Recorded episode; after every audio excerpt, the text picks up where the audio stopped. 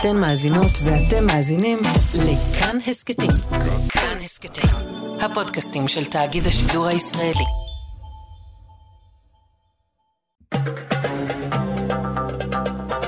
גם כן תרבות.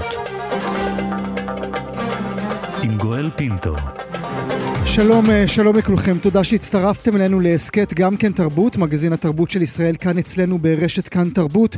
היום אנחנו במהדורה מיוחדת לציון גל הטרור שהחל לשטוף את רחובות ישראל. אנחנו נדבר על הנפש, על המועקה, על הפחד ועל הזיכרון שחי בכולנו. עורכת המשדר ענת שרון בלייס, על ההפקה נועה רוקני, בצוות התוכנית לי פריד בר בלפר ואבי שמאי.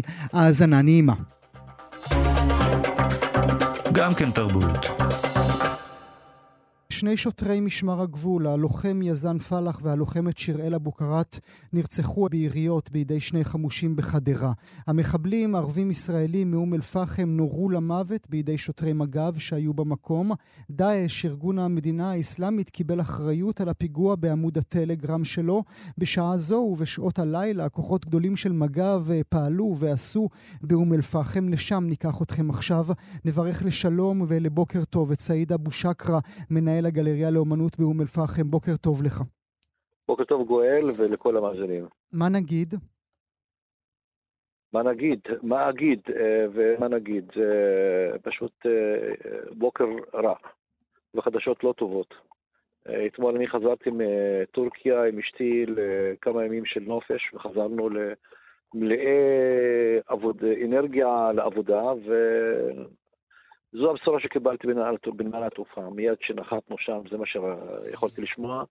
זה מעשה רע, מעשה לא, לא טוב לאף אחד. אני אה, פשוט אה, מצטרף לכל מילה שאמר ראש העיר. מגנה, מגנה, מגנה בתוקף. אין, אין זה המקום גם להתחיל לדבר על סיבות ומסקנות, דברים כאלה, זה כבר מיותר. עכשיו מיותר. להגיד, זה זמן להגיד, אני שולח תנחומיי לכל ה... למשפחות של הנרצחים. אני שולח אה, אה, את ברכותיי ואיחוליי למחלימים שנמצאים בבתי חולים, ואני מאחל שיבריאו ויחזרו לחיים בשלום. ואני מאוד מקווה שזה חלום, תעתועים, שנתעורר מהר ממנו בחזרה לחיים יותר טובים ויותר נורמליים. איך היה נראה הלילה באום אל-פחם? זה לא, זה לא נראה, זה לא איך נראה הלילה באום אל-פחם, זה איך היה נראה לכולנו בלב. זה היה אה, אה, מקרה שפגע בכל אחד מתושבי אום אל-פחם. אני לא יכול להצביע אפילו על אחד שאמר כן לאירוע הזה. זה אירוע אה, נתעב, אני, אני לא יכול למצוא בו הצדקה אפילו אם יגידו לי יש עוד מקרים אחרים במקומות אחרים, זה, זה לא יכול להיות מול זה מול זה. רצח זה רצח. אה, לקטוע חיי אדם, המשמעות שלה לקטוע חיי אדם, אין לאף אחד את הזכות לקחת חיי אדם לידיים ולהגיד אני לוקח אותם לידיים שלי כי וכי וכי. אני מכיר את, הנרצח, את הרוצחים האלה שבאו מאום אל-פחם, מכיר אותם. אני לא חושב, ואני בטוח, ואני יודע, שהם לשניהם אין להם את הזכות לשנות את סדר היום, את סדר החיים שלי ואת סדר היום של החיים של כל מדינת ישראל. ושל הערבים שחיים בתוכה. בוא נדבר על המרקם, ברשותך, אה, סעיד. המרקם החיים עצמו בתוך אום אל-פחם, ואתה עצמך אה, מספר לנו שהכרת את הרוצחים ואת משפחות כן. הרוצחים, כן. וגם כן. המרקם כן. של, אה, של, של הציבור הישראלי הכללי והציבור כן. הערבי לאור מין דבר שכזה.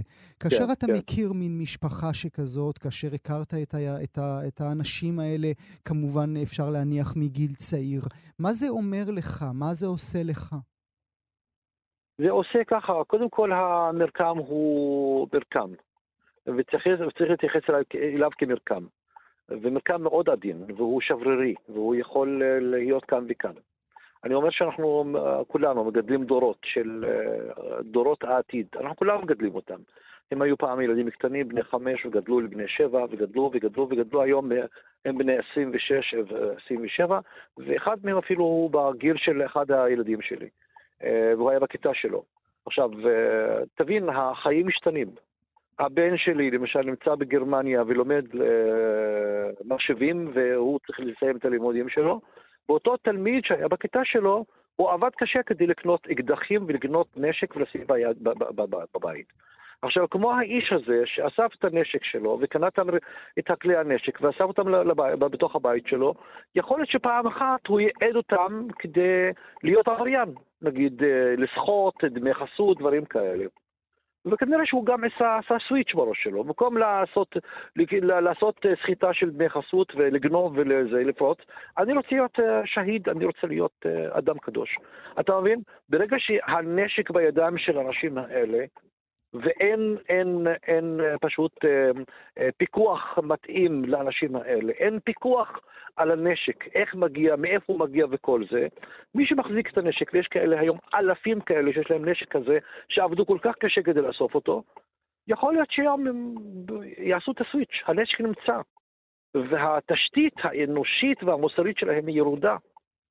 אז אה, אי אפשר לדעת מתי זה יהיה, ולכן גם המערכת הביטחון לא ידעה ש, שזה יקרה. אבל, אבל, אבל, אבל, אבל בוא תגיד לי, אה, סעיד, ברשותך, איך באותה כיתה יש ילד אחד שהלך ללמוד מחשבים בגרמניה והוא הבן של משפחת אבו שקרה, וילד אחר שהולך ויורה?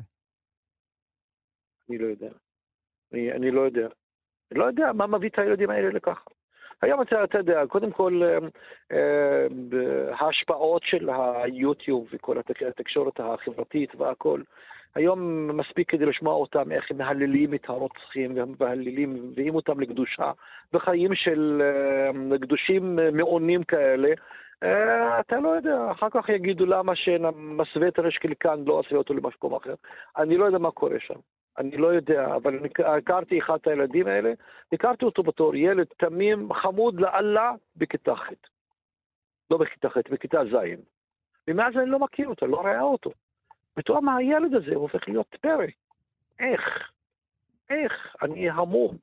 אני המום. אני לא רוצה לדבר כאילו על העתיד, מה יקרה בין יהודים וערבים. אני קודם כל מדבר על המקרה כשלעצמו. אין זכות לאף אחד לגזול חיי אדם. לא משנה מאיפה אתה מגיע.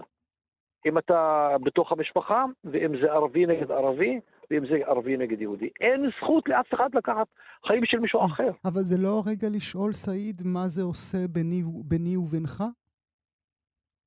קודם כל, אם אנחנו מדברים על זה, אנחנו מקטינים את הצער של, של המקרה הזה. ביום שאנחנו, אה, בוא נגיד, אה, יש אה, אנשים שצריכים להביא אותם לקבורה ולטפל בהם, ואנשים נמצאים בבתי חולים, צריך להתמקד רק בקטע הזה של הצער, על, על האבדות, על, העובד, על האבדות שהיו, וגם צער על אנשים שנמצאים בבתי חולים, גם על הצער של המשפחות האלה שהילדים שלהם קטעו את החלומות שלהם כדי להרוג אנשים אחרים. אתה מבין, זה, יש פה אלף דבר ודבר.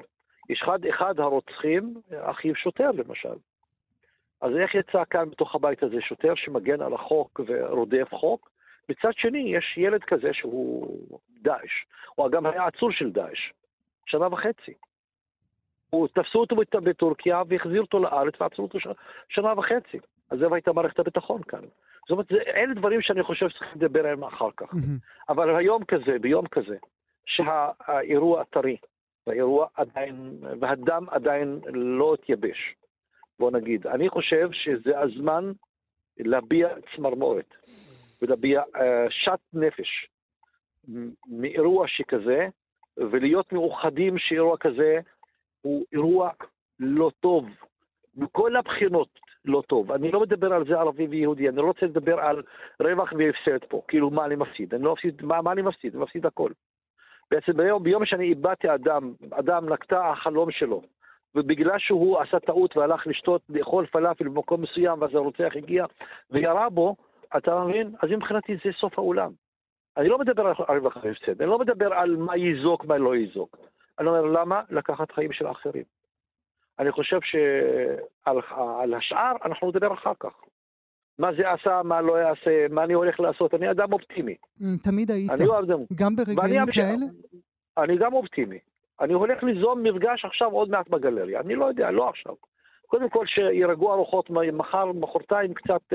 אה, אה, קצת נראה שאנשים קצת מתחילים לשנות סדר יום ולדבר על עוד דברים אחרים, אני אזמין אנשים לגלריה, למפגש, למשהו כזה. אבל כן אני רוצה לשאול, אפרופו המפגש העתידי הזה, האם ברגעים כאלה של משבר אמיתי בין הקהילות, אתה לא אומר לעצמך, כל הפעילות התרבותית שלי של עשרות שנים, שלי ושל המשפחה שלי, לא חשובות. שום דבר לא מצליח לשנות כלום. אבל גואל, אתה יודע, אנחנו כבר כל הזמן מלקטים את השברים ובונים אותם מחדש. זה לא דבר חדש מבחינתי. זאת אומרת, אני כל החיים שלי התעסקתי עם הדבר הזה. אף פעם לא הייתי במצב של אה, אה, אוטופיה מדהימה או משהו. אה, אני כל הזמן נלחמתי נגד הכיוון. אה, מלחמות פה, מלחמות שם, אירועים פה, אירועים שם, אינתיפאדה אחת ואינתיפאדה שנייה, ואחר כך כל הזמן יש אירועים כאלה שקורים גם בשטחים, קורים גם בירושלים, וקורים גם פה כל הזמן, ערבים נגד יהודים ויהודים נגד ערבים. לכן אני רוצה, לא רוצה עכשיו להטות את הדיון על כאילו זה דו-צדדי. אני לא רוצה להטות את הדיון, אני רוצה לדבר רק על המקרה עצמו היום. זה זוועה, זוועתי, אני פשוט אה, מלא צמרמורת מאתמול עד היום, אני ואשתי וכל מי שראיתי והכרתי ופגשתי ברחוב, אנשים מזועזעים ממה שהיה. וזה לא קטע של הפסד ורווח, לא קטע של מה ניזוק, מה לא ניזוק. אני לוקח אנשים שנקטעו החיים שלהם, מבחינתי חיים זה קודש קודשים, ואני אומר, עד כאן, יש פה גבול לכל הסיוטים האלה. סעיד... ואני חרד, אני חרד, אני חרד על מה שקרה, לא על מה שיהיה בעתיד. מה שיהיה בעתיד, יש חכמים ויש אנשים שינסו כמובן אה, לשחק עם, אה, לרקוד על הקטע הזה, ויש חכמים שינסו להרגיע. אני אחד האנשים שינסו להרגיע ולעשות את הכל כדי שהחיים יחזרו לקדמותם, ואני מאמין, אני מאמין בכוחו של בן אדם אה, ללקט את השברים, ללקט את ה... כל הקטע של הכאוס הזה, ולהגיד אנחנו ממשיכים הלאה. כי החיים, כמו שנקטעו החיים של האנשים האלה, והם חיים מאוד אה, יקרים לנו, גם העתיד הוא יקר לנו. ולכן אנחנו נעשה את הכל כדי שהעתיד, שהוא יקר לנו, יבוא בתובנות חדשות, כדי לא לאפשר לקטיעת החיים האלה, אה, כדי להמשיך ולקטוע עוד תהליכים ועוד תהליכים נוספים ויפים, mm-hmm. אבל גם לפתוח חיים של mm-hmm. אחרים. ולא משנה פה ים יהודי וים, ודם ערבי, שניהם היי נוח מבחינתי, אסור ואסור ואסור. Mm-hmm. קו אדום, אני רוצה להתעורר מחר ליום חדש, שבו אני מלא אנרגיה כדי להמשיך לעבוד.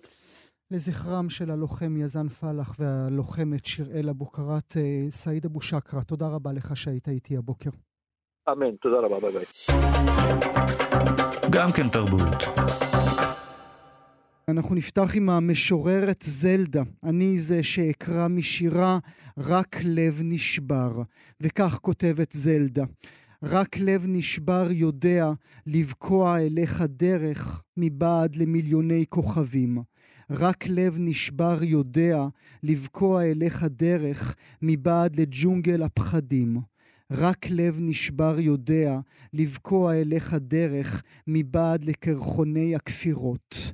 רק לב שאין לו על מה להישען בתהום, רק לב שאין לו על מי להישען בעולם, נשען על אורך בלבד. רק לב נשבר, יבוא אליך, יישא וילך. כך כותבת זלדה בשירה "רק לב נשבר". ובכך נעסוק היום בתוכנית בלב שבור. פיגוע שלישי בתוך שבוע חמישה נרצחו אתמול מירי מחבל בבני ברק, ארבעה אזרחים ושוטר. המחבל, בן 26, מכפר סמוך לג'נין, פלסטיני שוהה בלתי חוקי. ישראל ניצבת בפני גל טרור ערבי רצחני, כך אמר אתמול ראש הממשלה נפתלי בנט, ואכן גל. גל כפי ששנים איננו זוכרים. ביום שלישי שעבר ארבעה נרצחים בפיגוע דקירה ודריסה בבאר שבע. ביום ראשון שני שוטרי מג"ב נרצחים בפיגוע ירי בחדרה, ואמש, כאמור, חמישה נרצחים בבני ברק. על הנפש, על המועקה, על הפחד, על הזיכרון שחי בכולנו. נאמר אה, בוקר טוב לדוקטור מירב רוט, ראש התוכנית לפסיכותרפיה באוניברסיטת תל אביב, מי שחיברה את הספר "מה קורה לקורא", התבוננות פסיכואנליטית בקריאת ספרות. בוקר טוב לך, דוקטור רוט. בוקר טוב ועצוב.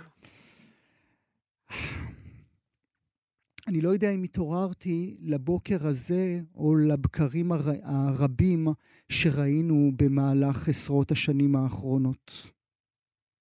כן, נכון, נכון. אחד הדברים שבאמת uh, צריך לזכור שקורים לנו כרגע זה שבו זמנית לזה שיש אירוע uh, ושורת אירועים uh, רצחניים ומזעזעים, גם השחזור הוא חלק מאוד גדול ממה שקורה לנו מבחינה נפשית. אנחנו, כמו שאתה אומר, כל התמונות אה, של כל ההיסטוריה אה, הדומה מתעוררות בנפש והן מעצימות עוד יותר את המשמעות, את הכאב, בצדק, בגלל שאנחנו מבינים במה זה כרוך. חשבתי שפתרנו את זה, לא, הדוקטור רוטו? כך שיקרנו לעצמנו. כן, כך שיקרנו לעצמנו, ההיסטוריה מאז ומעולם אה, מהמיתולוגיות ועד היום, אתה יודע, היא, נעה בין אה, כוחות האור לכוחות החושך, אנחנו לא נפתור את זה. אה, זה סדר היום הנפשי, האנושי, הוא תמיד כולל את המאבק בין דחף החיים לדחף המוות, בין הרצחנות לבין נפלאות הנפש האנושית והרוח האנושית והכמיהה לתיקון.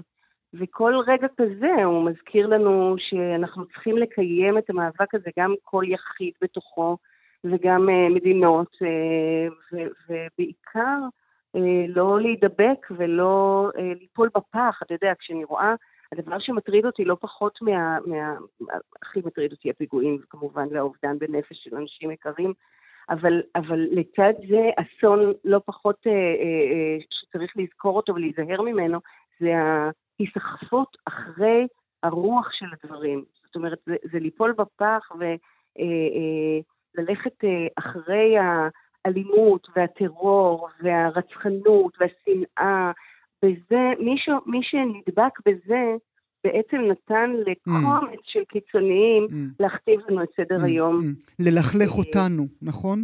בדיוק, ללכלך אותנו, לערער אותנו, ולהפיל אותנו מה, מהתכונות האנושיות הגבוהות יותר שלנו, שאנחנו צריכים לה, בנחישות אה, לא לוותר עליהן. בעצם כמעט, אתה יודע מה, במחאה. במחאה, גם מול הטרור במובן של ה... באנגלית זה חכם, שזה גם טרור, שזה פחד, כן? Mm-hmm. רוצים להכתיב לנו פחד, לזרוע פחד. אני שומעת את החדשות ואני מבינה איך זורעים פחד. אתה יודע, הסתברותית, אני רוצה להזכיר בכל זאת לאנשים, הסתברותית, הסיכון שמישהו אה, ייפגע באירוע טרור הוא הרבה הרבה יותר קטן מכל מיני צורות מוות אחרות שאנחנו אה, mm-hmm. חשופים להן. וכשאת אומרת אני... את המשפט הזה בחדר הטיפולים שלך, מה, מה המטופלים שלך אומרים לך? אנחנו צריכים לעשות עבודה, אנחנו צריכים לעשות עבודה כדי להפנות כל פעם את המבט מהרעש, התקשורתי קודם כל המוצדק, כמובן, אבל שיוצר אשליה, שזה. שזה עכשיו יתפוס אותי ברגע שאני אצא לרחוב, והסתברותית זה, זה כל כך כל כך רחוק משם. אתה יודע מה, אני אתן לך דוגמה עוד יותר קיצונית, שהיה צונאמי בתאילנד. בישראל הצונאמי האחרון היה ב-1200 אה, לספירה לדעתי, והוא קרה ארבע פעמים מאז 1500 לפני הספירה. היה גל של חרדות בארץ מצונאמי. בגלל שהאירוע הוא כל כך חריג ותקשורתית הוא כל כך בולט, אז הנפש נסחבת אחריו כי היא נבהלת, mm-hmm. היא בצדק נבהלת. אז קודם כל צריך לזכור את הדבר הזה. ודבר שני, שבאמת, מה לעשות שבקיום האנושי, הדבר האחד שאין לנו שליטה עליו הוא המוות. Mm-hmm. אבל יש לנו כל כך הרבה, קרי אה, מרעה נרחבים ביותר לשליטה בכל רגע נתון, ואחד מהם זה לדבוק בטוב ולדבוק ביציבות, ולא לתת למטרה של האירועים האלה. להפיל אותנו מהרגליים, וזה קשה, אבל זה אפשרי. אני חושב על אותן תמונות שאני זוכר אה, בצעירותי, בנערותי, ואני תוהה אם היום זה קשה יותר כי אנחנו עצמנו הפכנו להורים. כי פתאום הפחד הוא לא עלינו, אלא על, אה, על אחרים שאנחנו סיפקנו לעולם. נכון, נכון. בוא נדבר על מועקה. אימא שלי, זכרה לברכה, הייתה קוראת לזה רמה. זה הדבר הזה, האבן הזו שיושבת. מה עושים איתה קמה, כשקמים איתה בבוקר? תראה, המועקה או החרדה, האנגסט, היא נובעת מזה, החרדה בעצם היא ניסיון של הנפש לשלוט במה שמפחדים ממנו. אז היא אומרת, אני, אני אהיה דרוכה כמו אדם שצריך לברוח מדוב, אני אהיה דרוכה. וזה שיבוש, החרדה היא שיבוש שבו המנגנון הזה יוצא משליטה, ואנחנו בעצם לכודים עם העיניים בתור, בתוך מקור הפחד. במקום ש... אתה יודע, במקום ההסתברות שאני מדברת עליה בחוץ, בתוך כל אחד מאיתנו עכשיו קורה פיגוע כל רגע. Mm-hmm. אנחנו חושבים רק על זה ומסתכלים רק על זה. אז הדבר שאתה מתעורר בבוקר זה באמת לנסות להיחלץ מהעיניים הפנימיות, שאנחנו קצת כמו בעיניים עצומות כשאנחנו בתוך הרדע, באמת לפקוח את העיניים למציאות שלנו כל פעם מחדש, ולהפנות את, ה, את המבט, אתה יודע, במובן הכי פשוט. קודם כל, החדר שבו אנחנו נמצאים, למנות ספרים, תמונה, אה, קפה, כן, להתייצב, להתמקם בתוך המציאות הפשוטה, ואחר כך גם בסדר גודל יותר אה, גבוה, גם להתמקם בטוב. להפנות, באמת להפנות את המבט מהחושך אל האור בהתעקשות, בנחישות, בהבנה שאנחנו מוכרחים להתייצב מול הכיוון הזה בדבקות מאוד עמוקה באפשרות לטוב. זו המועקה, אבל מה עם הפחד? הפחד האמיתי, הפיזי, לצאת עכשיו מהדלת. אז שוב, אני, אני, תראה, אנחנו כמובן נשמעים לאזהרות ולהוראות ו, ועושים כל מה שצריך, אבל מידת הפחד אה, היא, לא, היא, היא הרבה הרבה יותר גדולה מהסתברות הסכנה. אז הדבר, אנחנו עושים את כל מה שכן ניתן לשלוט בו. ניתן לשלוט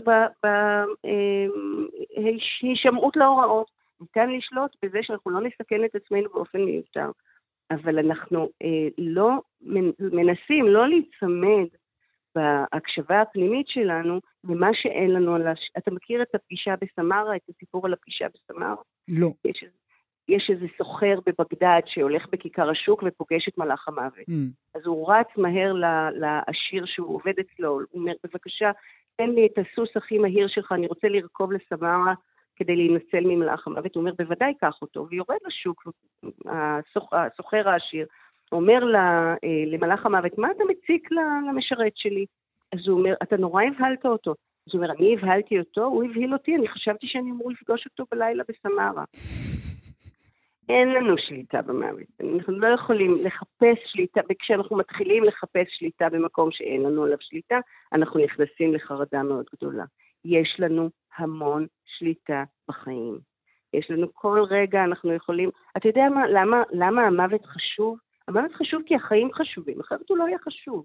ובחיים יש בפרויד אה, והיידיגר ולקאן אומרים שאנחנו ברגעים כאלה שהמוות קרוב, זו תזכורת לעצור רגע ולשאול את עצמנו, בחיים שלנו, מה אנחנו שכחנו שחשוב לנו, ושנעבור לעדור את הגינה הקטנה שלנו mm. ביתר mm. תשומת לב. Mm. זה מה שאנחנו יכולים לעשות עכשיו. שזה הרגע... לא להגביר ש... את העצבים בבית, אלא דווקא להפוך להיות עוד יותר קשובים ועדינים ומיטיבים, בגלל שאנחנו מבינים שברגע הזה שרצו עכשיו להפוך אותנו לצמודים לחלקים הפרימיטיביים של הנפש, אנחנו דווקא רוצים אה, לזכור שתודה על התזכורת שאנחנו רוצים שהחיים שלנו יהיו mm. ראויים, אה, מוסריים, אה, מיטיבים. אז זה מה שאנחנו יכולים לעשות.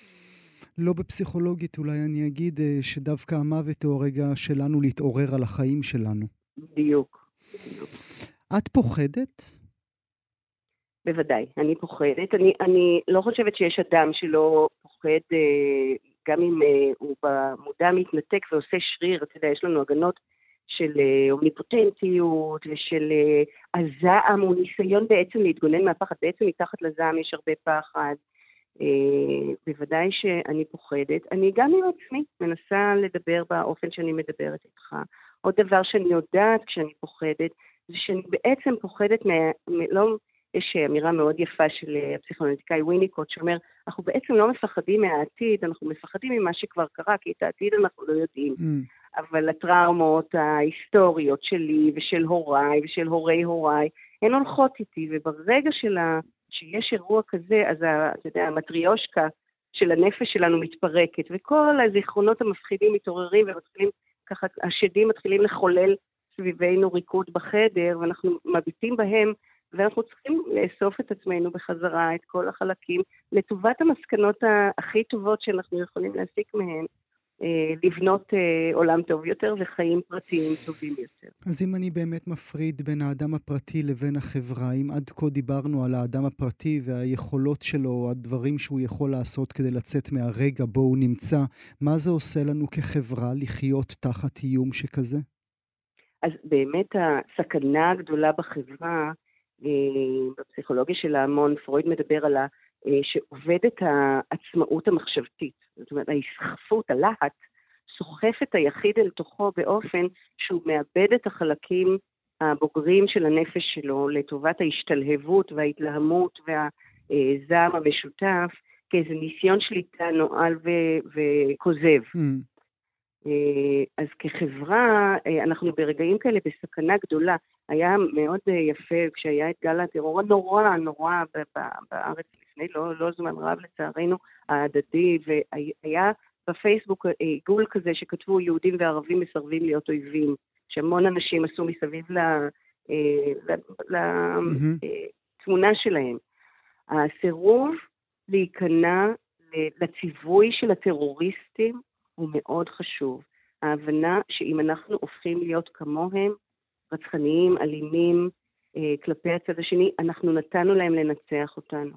וכחברה אנחנו צריכים להתייצב באופן מאוד נחוש ושקט, כמה שזה לא האינסטינקט שלנו, האינסטינקט הוא ליפול לתוך, ה, אה, לתוך הזעם ולתוך הלהט. וכנגד זה צריך להפעיל איזה, איזה מצפן פנימי מאוד מאוד מרחיק לכת בנחישות שלו, mm. אה, כדי להגיד, אנחנו מסרבים לציווי שלכם, אנחנו לא ניפול בפח שלכם, ואנחנו נשאר חברה מוסרית וחברה ראויה, וחברה הופך... שוחרת אבל, שלום. אבל זה הופך לטריקי יותר, כי אם כאדם פרטי, יחיד, אתה יכול לעבור את התהליך שעליו אה, דיברת איתנו קודם, כחברה שמורכבת ממלן, מלן, מלן, מלן יחידים, זה הופך למסובך יותר. אם אדם נכון. פרטי אה, ש, שסובל מפוסט-טראומה, ואני מניח שהציבוריות הישראלית ככלל סובלת מפוסט-טראומה של שואה, מפוסט-טראומה של טרור, היא אף פעם לא באמת יכולה להפוך לחברה בריאה, כי היא כל הזמן תחת הנטל הזה. זה מאוד נכון, זה מאוד נכון, ובישראל אתה מאוד צודק, ישראל היא, היא בנויה על טראומה, זאת אומרת, זה ה-DNA הכי בסיסי שלנו, גם במובן של המלחמות וגם במובן של השואה כהצדקה להקמת המדינה. אבל אה, כל מה שאני יכולה לומר על זה זה שנכון, הסכנה היא גדולה, גם בתוך היחיד וגם בתוך החברה, ואנחנו צריכים להבין את גודל הסכנה. ונוכח גודל הסכנה, כל אדם באזורי ההשפעה שלו, ובזה גם לעיתונות יש תפקיד, וגם למדינאים יש תפקיד, וגם לך יש תפקיד, וגם לי יש תפקיד. כל אחד בסביבה שלו צריך לקחת את הדבר הזה במלוא הרצינות ובחשבון, ולהשמיע את הקול שמנגד. אבל זה, זה, זה לא שיש פתרון, המצב מורכב ודורש תמיד עבודה, ותמיד האפשרות לקרוס לשם היא פתח, היא משחררת לפתחנו בכל רגע ורגע, ודווקא משום כך אנחנו צריכים לקחת אותה בחשבון, ומתוכה להתעקש על הניגוד שלה, כי גם יש, אנחנו צריכים לזכור שגם יש את כוחות הרוח האנושית שהם אה, מפליאים נוכח אה, מצבים אה, של איום, ואותם אין לנו אלא לגייס פעם אחר פעם. מילה לסיום ברשותך, הדוקטור רוט. הילדות והילדים שלנו, מה להגיד להם היום בבוקר? מה להגיד להם כשהם במקרה אה, יצפו במשהו יחטפו דק, או יחטפו איזה דקה של טלוויזיה? אני חושבת שקודם כל הילדים באמת סופגים, אין לנו אפשרות אה, היום עם המדיה להגן עליהם מלספוג את המידע. אה, צריך לומר להם קודם כל שזה נורא ושזה עצוב. ואת שני הדברים הייתי אומרת להם, אחד זה ש... אה, זה אירוע מאוד מאוד מאוד חריג. להסביר את זה גם להם, כי גם להם זה עושה הרגשה שזה בכל רגע יכול לתפוס אותם, וזה לא נכון. אה, והדבר השני זה להגיד שבגלל, מה שאני אומרת לך, אני גם אמרתי לילדות שלי מגיל אפס, שנוכח האלימות, תמיד אנחנו אה, מתעקשים לזכור את הטוב ולדבוק בו ולהרבות טוב בעולם. זה מה שאנחנו יכולים, וכשאנחנו, אתה יודע מה, כשאנחנו מתחילים עם הפעולות היצירתיות של טוב, אנחנו גם מרגישים שרכשנו בחזרה שליטה.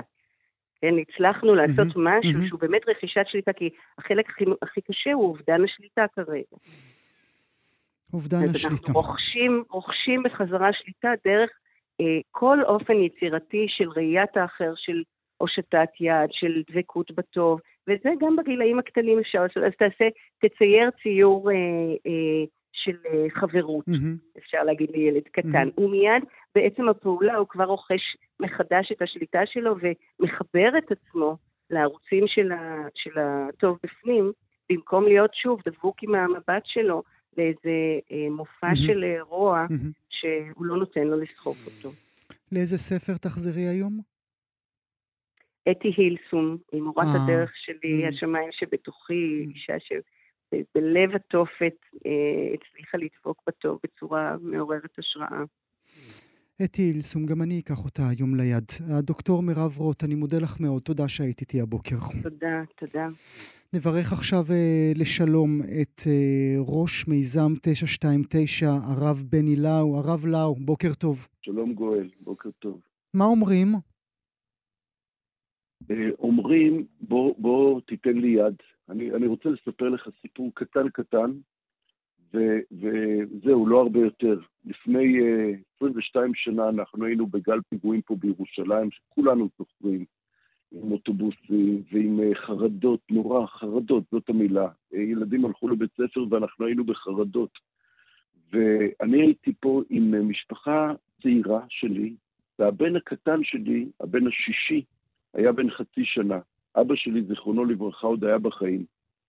ואני עוד לא קלטתי בהתחלה, כל פעם שהיו את הסירנות האינסופיות האלה, אה, דקות אחרי הסירנות, פתאום אבא שלי היה מתייצב אצלנו בבית, ולוקח את הילד הקטן בעגלה, בן חצי שנה, ואומר, אני יוצא איתו לסיבוב, ואחרי כמה דקות הוא היה חוזר, עשר דקות, רבע שעה היה חוזר, מניח אותו בלול, במיטה, איפה שהוא לא היה, והולך. ככה זה היה פעם אחת ופעמיים ושלוש, ואז קלטתי. כל פעם שאבא היה באיזה רגע של קפיצה כזאת, הוא חיפש את המגע עם החיים. Mm. המגע שלו עם העגלה של הילד... זה לא הוא שהרגיע את הילד, זה הילד שהרגיע אותו. אותו. בדיוק ככה, בדיוק ככה. הוא נגע בחיים, הוא פשוט ככה, הוא הלך לגעת בחיים. ואני אומר לך, גואל, כש... אתה מתקשר אליי בבוקר, ואני אומר לך תודה, כי לשמוע מיתרי קול של אדם אהוב, אדם, זה מה שאנחנו מחפשים. בבוקר כזה, בימים כאלה, אנחנו גם נתמכים וגם תומכים. אנחנו צריכים פשוט לחפש מסביבנו עוד אדם שאנחנו יכולים להאיר לו פנים. זהו, זה נשמע נורא נורא טריוויאלי, זה נשמע נורא בנאלי. כל מה שאנחנו מבינים בעומק זה ובחרת בחיים. אנחנו יכולים לעשות המון, אבל כל מיני צעקות של אה, נשנה את כל המדיניות ונתקן את ה... לא, לא, לא. עכשיו אנחנו צריכים לבחור... לא, גם לא בא לי לדבר במונחים האלה. אני, אתה סולח לי, כבוד הרב, ממש לא בא לי לדבר ברור, במונ... ברור. במונחים האלה. זה, זה... לא, אנחנו, אנחנו צריכים לגעת, לגעת בחיים, זה אומר להאיר פנים, זה אומר להושיט יד, זה אומר להיות באמת אנשים שפוגשים את האנשים על החלק הכי, הכי מואר שלהם. וזה מה שאנחנו באמת באמת עושים כדי לא לשרוד פה, mm. כדי לחיות mm. פה. Mm. יש הבדל עצום בין הישרדות לחיים. אנחנו חיים פה, אנחנו כבר מגדלים פה דור ועוד דור, ואנחנו פה, ברוך השם אנחנו פה. והאויבים שלנו לאט לאט מבינים יותר ויותר שאנחנו פה. אתה יודע, בבוקר כזה הנשיא נוסע לירדן, ואתמול היו פה שרי חוץ, ואנחנו פה. אנחנו צריכים לנשום הרבה יותר עמוק ולגעת בחיים. לגעת בחיים זאת התשובה הכי הכי אמיתית שלנו כעם חפץ חיים. את מי חיבקת הבוקר? וואי, קודם כל את אשתי. זה הדבר הראשון, לפעמים אנחנו שוכחים את הכי הכי קרובים שלנו, את אשתי. אחרי זה אני הולך עכשיו עכשיו לאימא שלי, ואז כל מי שייקלע בסביבתי, אני אשתדל, אתה יודע, זו השתדלות יאר השם פניו אליך. לנסות להאיר פנים. Mm. אם, אתה, אם שומעים אותנו עכשיו אה, מחנכים ומורים, גם אתה מחנך ומורה, מה הם אמורים להגיד לילדים, בעיקר בקהילות הדתיות, שהנה זה נגע בהם, ברחובות שלהם, במקומות שהם משחקים בהם, מה הם צריכים להגיד להם בכלל? רק באמת באמת, יש אנשים שיש להם תפקידים מאוד מאוד קונקרטיים שהם צריכים לפעול. אנחנו האזרחים, אנחנו אמורים להיטיב. אנחנו אומרים בכיתות שלנו, אנחנו אומרים בבית שלנו, עם בני הזוג שלנו ועם הילדים שלנו ועם ההורים שלנו, אנחנו אמורים להיטיב. אנחנו עולים לאוטובוס, להסתכל בפנים, להעיר, להעיר זה אומר להסתכל בעיניים, להגיד בוקר טוב לאדם שעומד בכניסה של הקניון, להגיד, ממש, להגיד לאנשים, אנחנו, אנחנו רוצים את קרבתך, אנחנו מתנהלים בחרדה, אז אנחנו עושים ההפך. אנחנו מתקפדים, אנחנו מתגוננים, אנחנו מסתגרים, אבל אפשר בינינו ממש לייצר אהבה יותר, אחווה, שלום ורעות. זה מה שאפשר לעשות. למה אנחנו נמשכים אל השחור, אל הכעס, אל השנאה? קודם כל, שנאה מייצרת פחד, ופחד מייצר שיתוק, ושיתוק מייצר איזו דמוניזציה, איזה, זה מה שקורה לנו בנפש. אנחנו, אנחנו נורא נבהלים, אז אנחנו ננעלים, ואז אנחנו מדמיינים, ואז אנחנו עוד יותר כועסים ושונאים ורוצים לנפה.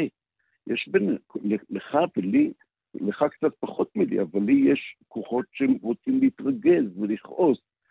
והיכולת שלנו להשתלט על הדבר הזה, להגביר את הטוב שבי, על הרע שבי, זה הרגע, זה הרגע. זה עבודה יומיומית. כל פעם שבא לך לכעוס על מישהו, אתה אומר, אוקיי, תספור רגע עד עשר, ואז תתגבר על הטיפ, יהיה יותר טוב. ביום כזה, שבעתיים.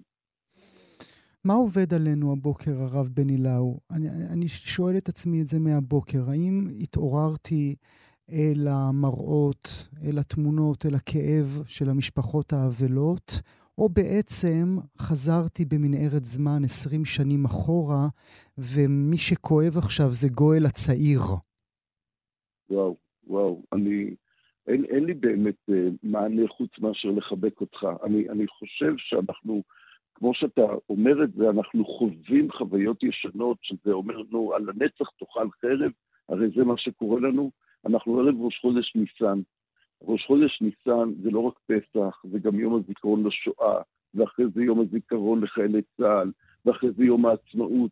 אנחנו ניסים לתקופה נורא מיוחדת במדינה שלנו, ואני אומר לגייס את הכוחות הכי עמוקים, הכי כמוסים, את הכוחות שנותנים לנו את האפשרות לבחור. זה בחירה, גואל. זה בחירה לאן אנחנו לוקחים את הכוחות שלנו. אל הבהלה, אל הפחד, אל השיתוק, אל הכעס, או שאנחנו לוקחים אותם להטבה, להארה.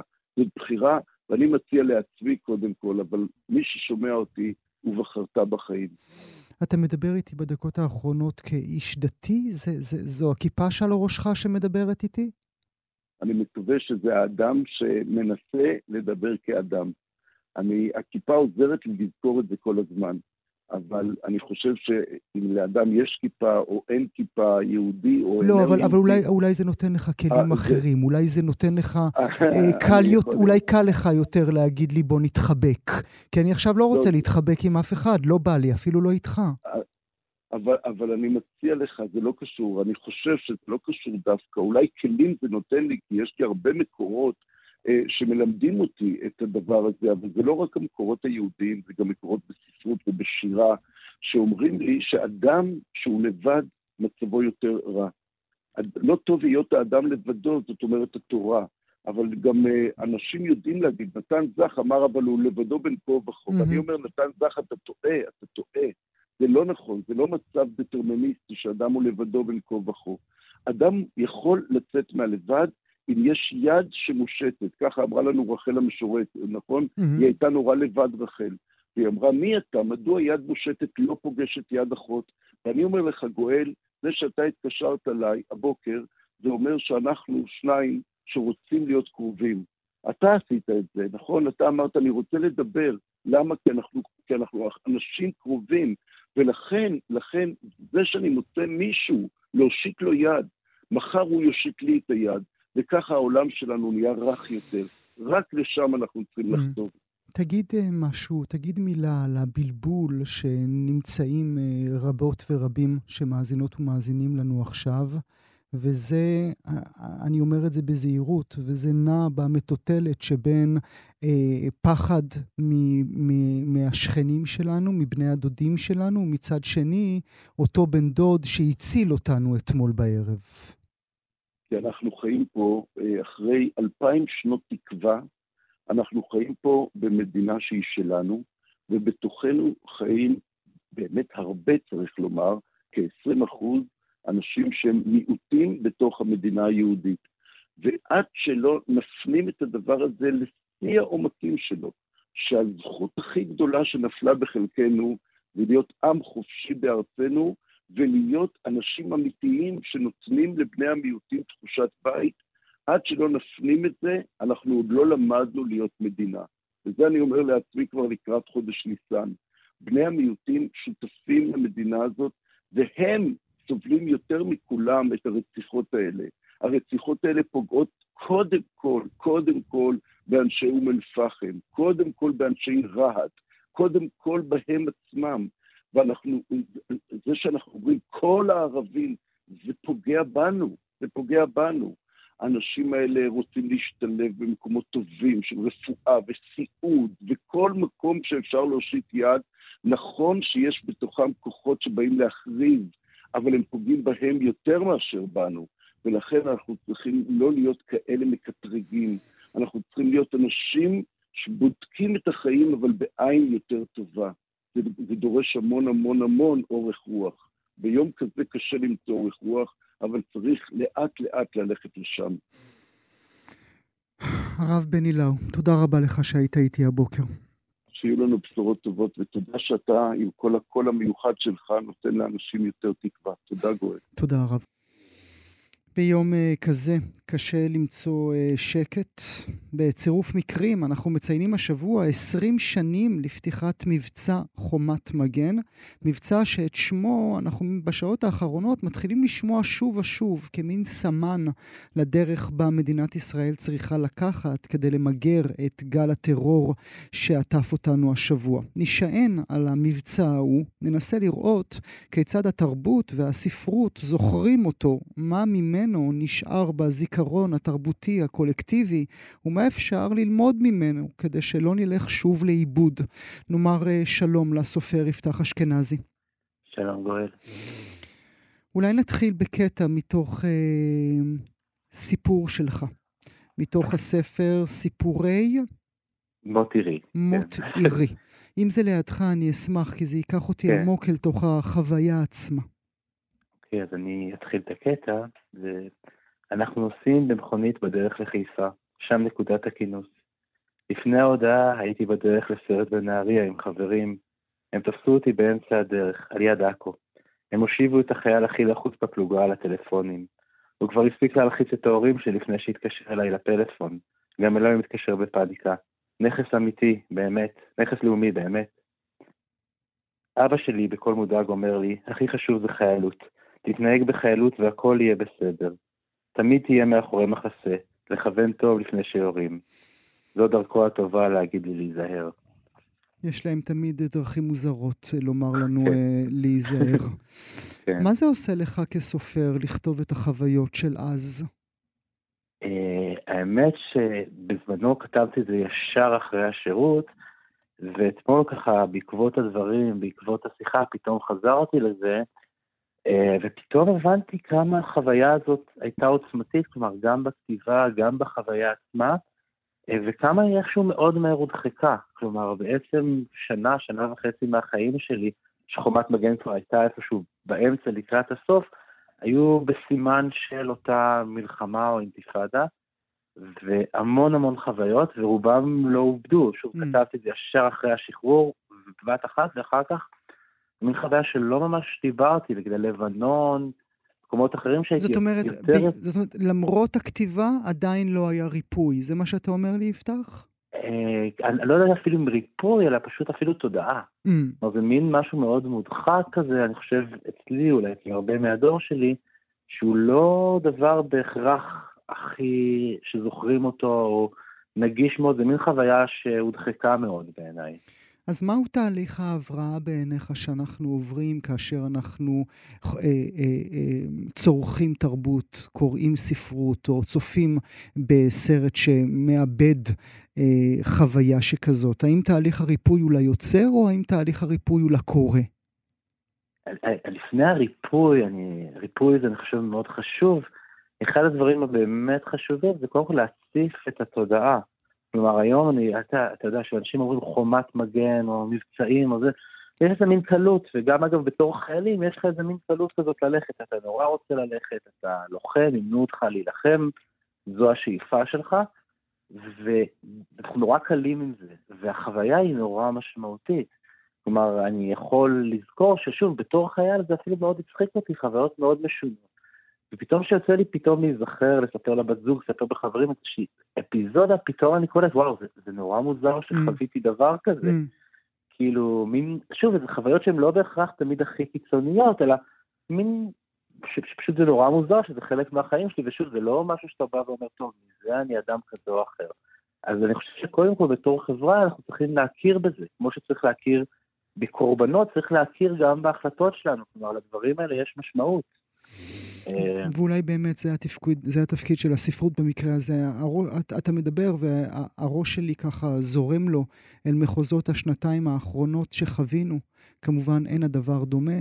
אה, פנדמיה עולמית, וכאשר התחילו להגיע יצירות אל השולחנות שלנו, הספרות המעטה שנכתבה על קורונה, הקולנוע המעט שנעשה על, על קורונה, מצאתי את עצמי כיחיד, לא כמגיש תוכנית תרבות, אה, מסרב לקחת את זה ליד.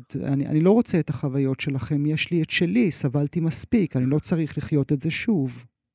כן, וגם פה יש שתי הבחנות, בין אגב החוויה האזרחית של פיגועים שהיא חוויה אחת, חוויה של חיילים היא חוויה אחרת, וגם, אגב, אנחנו מדברים על חוויות, אז יש לנו את ה highlight של אותו רגע של פיגוע, אותו רגע של לחימה, אבל המצבים האלה, ואולי בזה זה כן קצת דומה לפנדמיה, הם הרבה יותר ארוכים, זה לא רגע אחד, mm-hmm, mm-hmm. זה לא איזה climax mm-hmm. אחד דרמה. המציאות היא, היא גם חומת מגן, הייתה ארוכה. והרבה דברים קרו תוך כדי, וזה לא איזה משהו אחד שבבת אחת קורה, וקשה לנו עם סיפורים כאלה, הרבה יותר קל להבין סיפור שהוא דרמטי, mm-hmm. ופה הדרמה היא קטנה וגם יותר אנושית. וגם הופכת אה, כאה יותר עם הזמן, בגלל הזמן אה, הרב. איך, איך בעיניך, אה, איך בעיניך אנחנו צריכים לומר שהספרות נגעה באזורים האלה של המבצע הוא לפני 20 שנים? היצירה הגדולה ביותר היא אולי אישה בורחת מבשורה של, של כן. של גרוסמן, ויש בנוסף את uh, כאב של צרויה שלו, שהיא מתארת פיגוע שהיא הייתה בו, ואת המין פיגוע של אסף גברון, אבל אגב, תשים לב, כל היצירות האלה הן יצירות שעוסקות בחוויה האזרחית. Mm-hmm. ולא בחוויה, נגיד בלבנון, כמעט לא יהיה לך סיפור, אפילו לבנון השנייה, על החוויה האזרחית, וכן יש קצת ספרים ויצירות שעוסקים בחוויה הצבאית. שזה מאוד מעניין, כלומר, הסיפור הזה של החיילים פה פחות אה, בולט.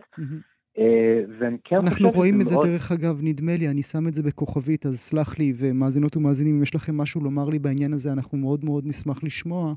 אה, נדמה לי שאנחנו מוכנים יותר כצרכני תרבות לקבל את החוויה האזרחית מאשר את החוויה הצבאית. אנחנו רואים את זה ממלחמות אחרות גם. כן, אני חושב שאנחנו מוכנים יותר, וגם אני חושב שזה מתחבר, אגב, החוויה האזרחית פה, חוויה גדולה, מקודם הקשבתי לתחילת התוכנית, ופתאום מין חוויה גדולה שגם כתבתי לה טיפה במחקר על, על חוסר אונים נרכש. כלומר, mm. יש לנו איזו חוויה חזקה בציבוריות הישראלית בשנות האלפיים של אתה לא באמת שולט על המציאות. זה לא, אתה יכול לעשות ככה, יכול לעשות אוסלו, אתה יכול להילחם, אבל בסוף המציאות היא יותר גדולה ממך. ואני חושב שזה הדבר המשמעותי, שאגב, אני לא בטוח כמה בספרות הישראלית לפני כן, זאת חוויה כל כך אינטנסיבית, בטח בשדה הפוליטי, mm. של אני, אני פשוט לא שולט על המציאות, המציאות היא יותר חזקה, ופתאום יש עכשיו שלושה פיגועים, ופתאום זה יכול להיפסק, זה יכול להמשיך, ומה אנחנו יכולים לעשות? וזו תחושה, אגב, חוסר אונים נרכש, זה לא תחושה טובה, mm-hmm. זה לא דבר טוב, כי בעיניי. במידה רבה אני חושב שהספרים שאותם מנינו, יש גם קולנוע תיעודי, העובדה שהם אה, סופרו על ידי אנשים שחוו את החוויה עצמה, כמובן גרוסמן עם אה, בנו, כמובן צרויה שהיא בעצמה נפצעה, צרויה שלו שהיא בעצמה נפגעה בפיגוע בירושלים, זה הופך, האישי תמיד הופך לקולקטיבי בקלות יותר. אה, כן, וגם גם יודעים לספר סיפור, ושוב, זה, זה סיפורים. אני חושב שיש פה איזה ממד קולקטיבי, ששוב, שגם מי שלא היה בדיוק במקומות האלה, הייתה שוב מין תחושה כזאת של משהו קורה בעולם, משהו בעולם משתנה, ואני לא יכול להשפיע עליו, ואני חושב אם, אם יש איזה תפקיד, אמרת קודם, מחלים, מבריא לספרות, זה כן לנסות, אגב, בהצפה הזאת, לדבר גם על אחריות, להגיד, כן, נגיד הייתי חייל, ולא בחרתי להיות שם, אבל היה לי אחריות על מה שעשיתי שם בתוך אותה סיטואציה. ואם יש תפקיד, זה התפקיד הזה שהוא לא תמיד תפקיד נעים או נחמד, אבל זה בעיניי התפקיד. וממנו אולי נוכל ללמוד להבא. נאמר לך תודה, הסופר יפתח אשכנזי, תודה שהיית איתי הבוקר. תודה רבה שהזמנת. גם כן תרבות. אתן מאזינות ואתם מאזינים לכאן הסכתים. כאן הסכתים, הפודקאסטים של תאגיד השידור הישראלי.